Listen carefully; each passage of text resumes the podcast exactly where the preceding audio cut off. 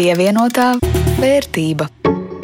Esiet sveicināti pirmdienā starp Ziemassvētkiem un Jauno gadu. Šajā starpsvētku laikā pirmdienā pie jums kā ierasts raidījums pievienotā vērtība un ar to studijā Jānis Ramāns no Latvijas radio un Rudīts Pakauska no Latvijas televīzijas. Šodien parunāsim par neparedzamo, negaidīto un pielāgošanos apstākļiem. Runāsim arī par to, cik izmaksā uzņēmumiem kļūdas. Bet jau kā ierasts, vispirms īsts ieskats aktualitātēs. Pievienotā vērtība. Kas aktuāls Latvijā un pasaulē?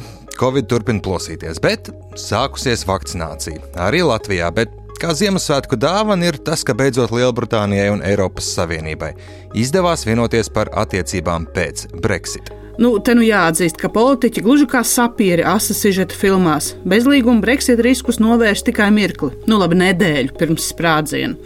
Galvenā Brexit ziņa - muitas tarifu nebūs un nebūs arī kvotu. Bet kas būs, būs papildu galvas sāpes uzņēmējiem, jo pieaugs birokrātiskās prasības, ievedot un izvedot preces no apvienotās karalistes.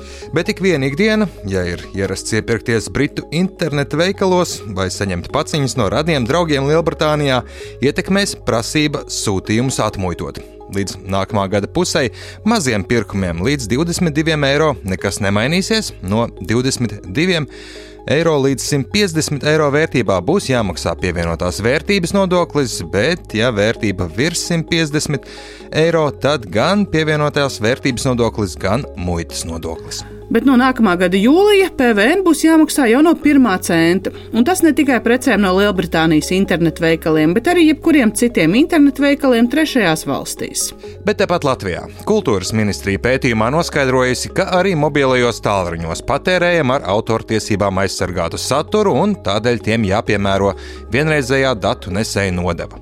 Ministrijas piedāvājums 1,50 eiro katram viedtālrunim citas iesaistītās puses, piemēram, Latvijas Informācijas un komunikācijas tehnoloģijas asociācija, visai pieklājīgi norāda, ideja ir nepamatota, pētījums veikts steigā, ne ar vienu par šo domu nav bijušas konsultācijas, un Patērētāju ieradumi gal galā ir mainījušies. Līdz ar straumēšanas attīstību vairs reti kurš ar autortiesībām aizsargātu mūziku, kino vai vienalga ko kopē savā telefonā.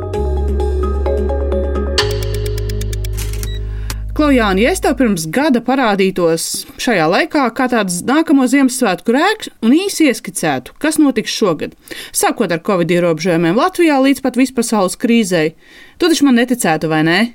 Nu, visticamāk, nolēmtu, ka mandarīni bijuši bojāti un karstvīns kaut kāds tāds aizdomīgs. Jā, es arī pati sev neticētu. Bet šis gads ir pierādījis, reizēm par realitāti kļūst lietas, kuras pirms tam uztvērām kā neiespējamas. Šogad daudz, jo daudz esam runājuši par Covid krīzi un tās ietekmi uz ekonomiku, uzņēmumiem un cilvēku maciņiem. Jā, iekšzemes koprodukta prognozēs bija sacensība jau par to, kurš solīs lielāku kritumu un katram nākotnes paredzēja vērtējumam līdz nāca arī piebilde, var mainīties atkarībā no Covid-19 izplatības rādītājiem. Daudziem uzņēmējiem bizness mainījās, izčākstēja pavisam un nācās paļausties uz valsts palīdzību. Bet tajā pašā laikā uzplauka biznesi, par kuriem pirms gada pat neiedomājāmies. Un arī līdzīgi kā valsts pārvalde, daudz uzņēmēji ar visai skarbu Covid-19 spērienu tika iegrūsti e-komercijas jomā. Un te es domāju, ir īstais brīdis pieminēt saimniecības un būvniecības preču veikalu depo visu laiku, kā viens no pēdējiem milžiem dzīvojis bez interneta veikala, bet īsi pirms Ziemassvētkiem padevās. Izziņoja, interneta veikals būs arī viņiem.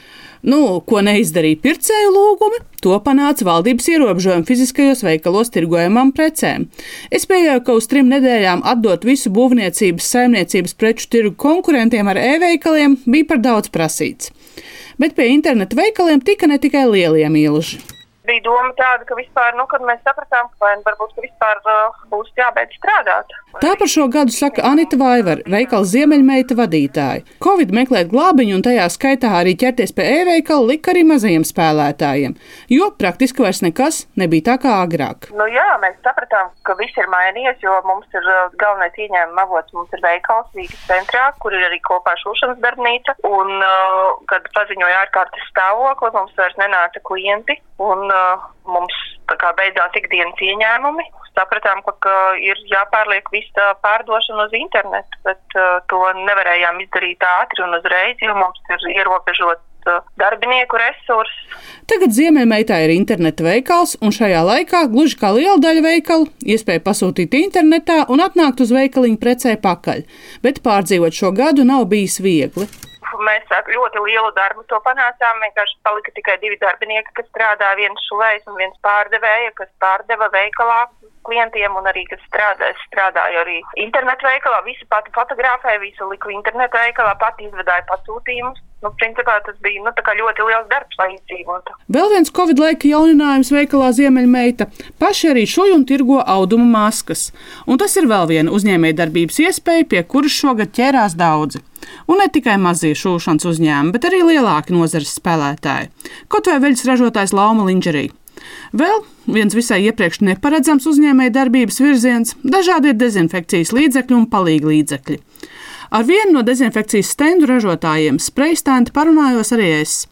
Jautāju Mārim Masteiko, sprejstantu ražošanas un produktu attīstības vadītājam, vai šī ideja viņiem radās tukšā vietā tieši pandēmijas dēļ?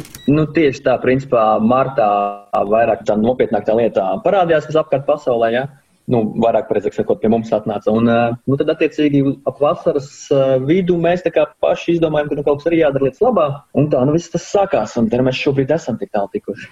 Šo mēnešu laikā uzņēmēji tikuši no idejas līdz gatavam produktam, bet tas ir normāli, jo process ir laikietilpīgs. Protams, tur ir kamēr tā ideja tā teikt, nobrieda, ko mēs gribam, kā mēs gribam. Tad mēs par dizainu novienojāmies. Nu, visi tie sākuma posmi, kamēr saprastu no skicēm, tik līdz reālajai vidē, tas nu, laikietilpīgs uh, process. Un, uh, nu, tad mēs uh, novienojāmies, kā tas viss izskatīsies. Tad, protams, ir jātiek galā ar visiem tehniskiem risinājumiem, elektroniku un vispārējais, protams, kaut kādi partneri, kas varētu mums palīdzēt visādos jautājumos. Nu, tāpēc tas laiks, tas ceļš ir diezgan tāds pagājušs. Ja? Un, nu, tagad beidzot mēs esam pie prototypa. Prototyps ir izstrādāts un varam piedāvāt arī reāli darbojušos produktus. Spreistāni gan nav vienīgie, kas piedāvā šādus roku dezinfekcijas stendus. Kā tie atšķiras no konkurentu piedāvātajiem? Skaidro Spreistāna projektu vadītājs Vilnis Krauze. Kas ir mūsu jaunums, ir tas, ka stends eh, runā. Tātad stends runā un stends uh, redzot apmēram 5 metru attālumā, viņš uh, aicina pie sevis un aicina dezinficēt roku. Kā arī tā, tā ir viena opcija, Nākamā opcija ir tāda, kad cilvēks pieiet pie stenda un roku dezinfekciju veids. Viņam par to pasaka stends paldies. Teorētiski šāds runājošs stends var arī palīdzēt dezinficēt rokas, piemēram, cilvēkiem ar redzes traucējumiem bet ko par runājošiem dezinfekcijas standiem teiks patērētāji, to redzēsim. Tāpat kā šī pandēmijas laika biznesa nākotne lielā mērā būs atkarīga no tā, vai mūsu roku dezinfekcijas ieradumi saglabāsies arī pēc tam, kad Covid-19 uzliesmojums būs rimies. Bet paši uzņēmēji skatās plašāk, ne tikai uz Latvijas tirgu. Nu, protams, mēs neaprobežosimies tikai ar Latvijas tirgu. Latvijā nu, salīdzinoši tomēr ir maziņa, ja būsim godīgi pret visu plašo pasauli. Tāpēc nu, valstis, kur jau ir sāktas sarunas un jau ir uh, potenciālie iespējamie sadarbības partneri, kas varētu izplatīt un tālāk uh, visus šos stendus realizēt.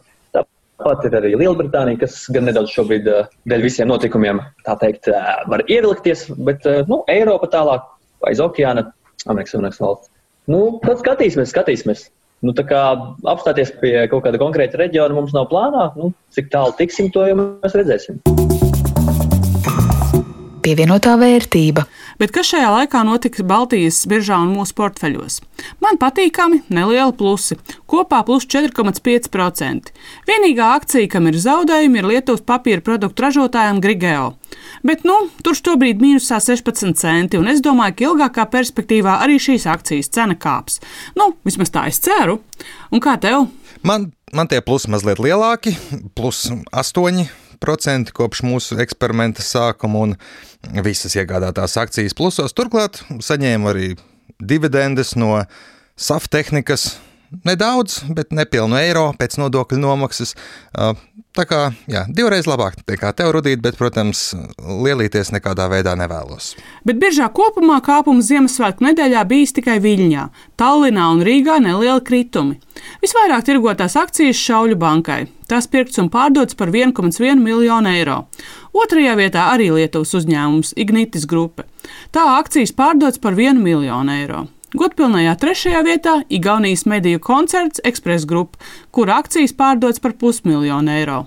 Un Latvijā tradicionāli visvairāk tirgot solēnu farmu akcijas par nepilniem 50 tūkstošiem eiro, bet nākamais biržas uzņēmums, kur apskatīsim detalizētāk, šajā raidījumā pievienotā vērtība ir stikla šķiedru ražotājs Valmieras stikla šķiedra.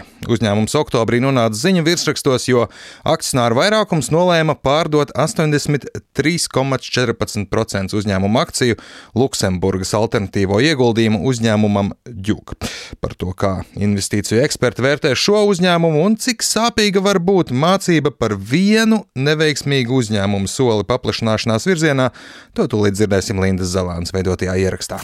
Valmieras stikla šķiedra ir lielisks piemērs tam, nepārāk pareizi biznesa lēmumi uzņēmumi var novest tuvu bankrotam. Uzkrājuma un ieguldījuma eksperts Kaspars Pēcinieks stāsta, ka Valmieras stikla šķiedra savulaik veica ievērojams investīcijas meitas uzņēmuma attīstībā ASV.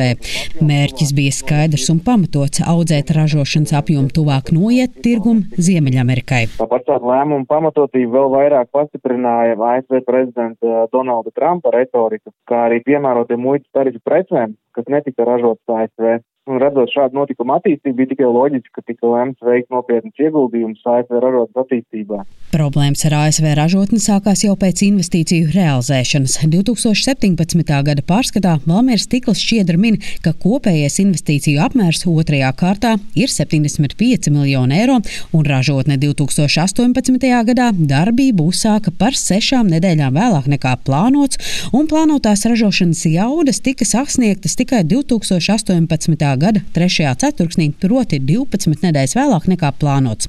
Pēcinieks uzsver, ka 12 nedēļu kavēšanās tik nozīmīgā investīcija projektā nozīmēja arī būtiskas izmaksas. 2018. gada pārskatā Valmieras stiklas šķiedras vadītājs vērsās pie akcionāriem ar ziņojumu, kurā uzsver, ka šis gads bija viens no grūtākajiem uzņēmumu pastāvēšanas vēsturē. Un neskatoties uz Eiropas uzņēmumu labo peļņas situāciju, un ar to saistīto labo naudas plūsmu, nespēja finansēt lielu mērogu investīciju īstenošanu ASV no paša līdzekļiem.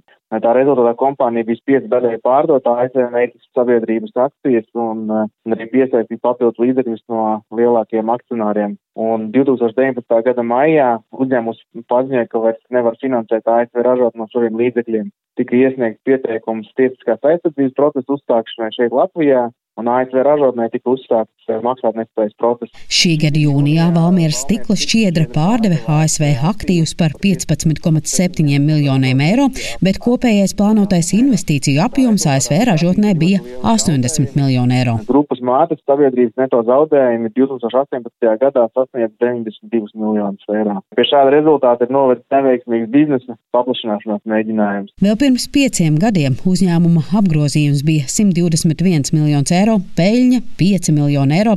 Savukārt 2019. gadā apgrozījums sarucis par 2 miljoniem eiro un zaudējumi mērāmi 4 miljonu eiro apmērā. Pašu kapitāls ir mīnus 52 miljoni eiro un saistības ir 174 miljoni eiro apmērā. Arī šogad pandēmijas ietekmē uzņēmuma apgrozījums ir krities un provizoriski uzņēmums šo gadu varētu noslēgt ar 100 miljonu eiro apgrozījumu, ar zaudējumiem un ļoti lieliem parādiem. Domāju, ka šajā brīdī katrs pats var izdarīt secinājumu, vai uzņēmuma akcijas ir pievilcīgas ieguldīšanai. Un uh, vēl jāņem vērā, ka nesenais paziņojums par uh, daļu akciju pārdošanu uh, ģilka alternatīvu ieguldījumu fondam varētu atnest pozitīvas vēsmas, ļaut uzņēmumam izdzīvot un turpināt strādāt.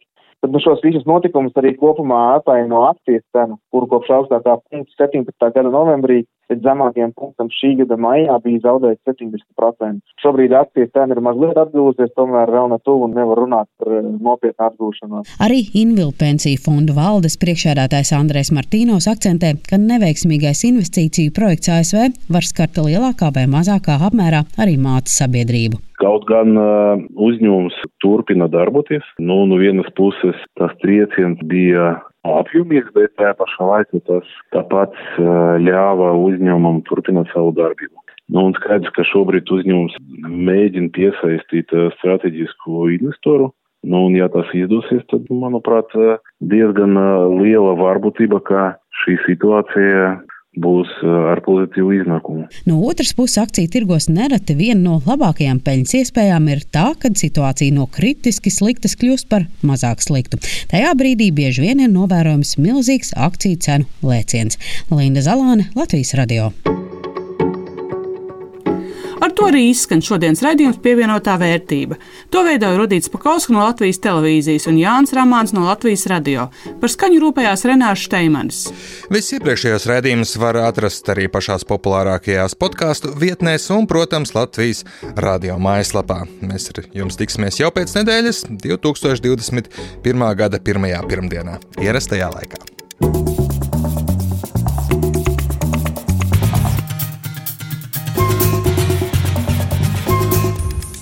Pievienotā vērtība.